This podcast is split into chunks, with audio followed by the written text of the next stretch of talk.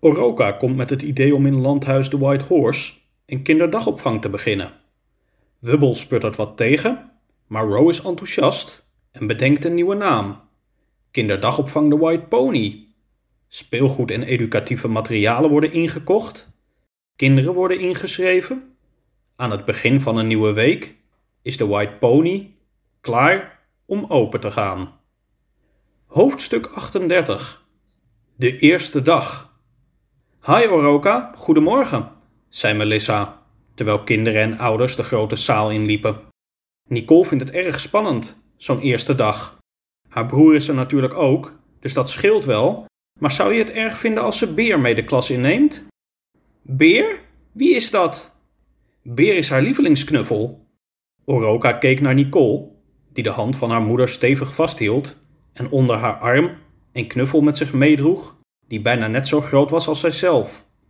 Beer was, hoe kon het ook anders, een beer. Zijn vacht was echter niet bruin of zwart, maar roze.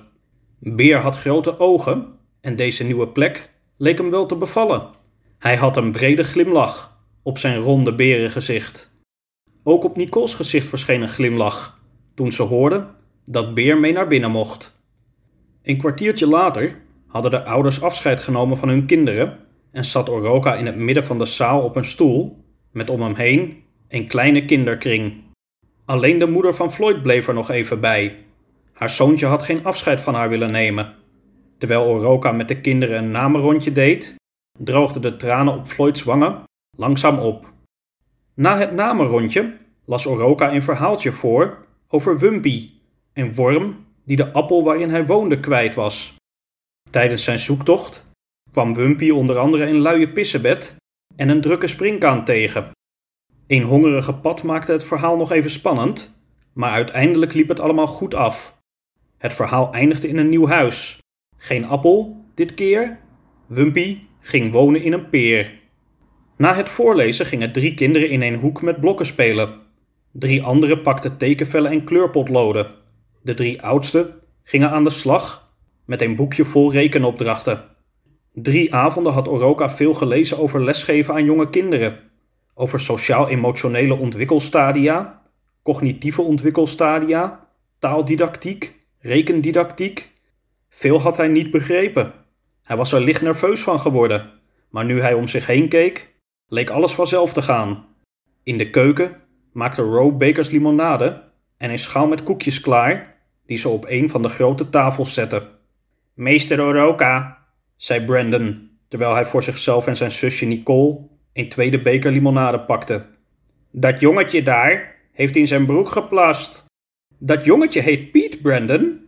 Piet, kom eens hier. Waarom heb jij in je broek geplast? Piet keek verlegen naar het houten blokje in zijn handen. Weet ik niet. Weet je waar de wc is?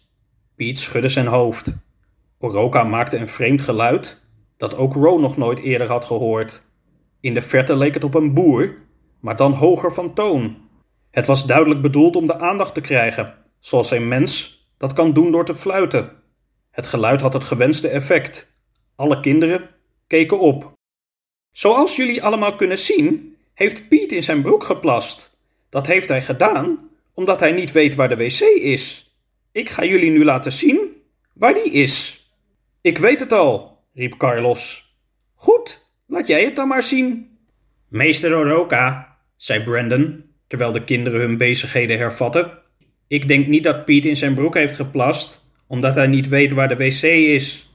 Ik heb in mijn klas ook een jongetje zitten dat in zijn broek plast. Die weet wel waar de wc is, maar die heeft altijd een schone broek bij zich. Misschien heeft Piet dat ook wel. Ro keek in de rugzak van Piet en vond inderdaad een schone broek. Samen wisselden Ro en Oroka de natte broek vlug om voor het schone exemplaar. Meester, riep Carlos opnieuw. Jeremy, ik en Shelly zijn klaar met rekenen. Mogen we buiten voetballen? Ja, dat mag wel. Maar blijf wel hier voor de ramen, zodat ik jullie kan zien. Niet te ver naar links, want daar zijn onze tijgers. En die zijn niet altijd vriendelijk. Je lijkt mijn vader wel, meester, lachte Carlos, die een bal pakte. Die maakt ook altijd dat soort grapjes. Een minuut of vijf later kwamen Carlos, Jeremy en Shelly echter met grote ogen weer naar binnen. Meester! Ja, Carlos? Er zitten daar echt tijgers. Ja, dat zei ik toch net? We hebben hier twee tijgers. Brandon, Nicole en Floyd stopten met tekenen. Anna liet een blok uit haar handen vallen en ook Lizzie en Pete stopten met spelen. Alle kinderen keken verbaasd naar hun nieuwe meester. Willen jullie ze zien? Ik wel, doorbrak Lizzie de stilte. Ik ook, zei Brandon. Nou, dan gaan we erheen. Ze zitten in een groot verblijf met tralies. Als jullie bij juf en bij mij blijven, kan er niets vervelends gebeuren. De kinderen volgden Oroka naar buiten. Op één na. De driejarige Nicole vond het te eng en begon te huilen.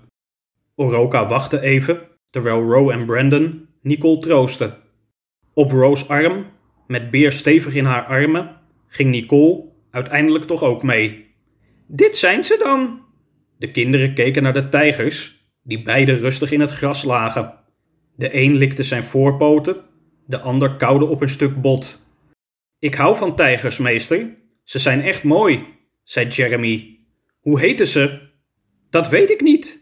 Weet jij dat, Ro? Nee, maar we kunnen ze wel namen geven. Ik weet het, riep Lissy.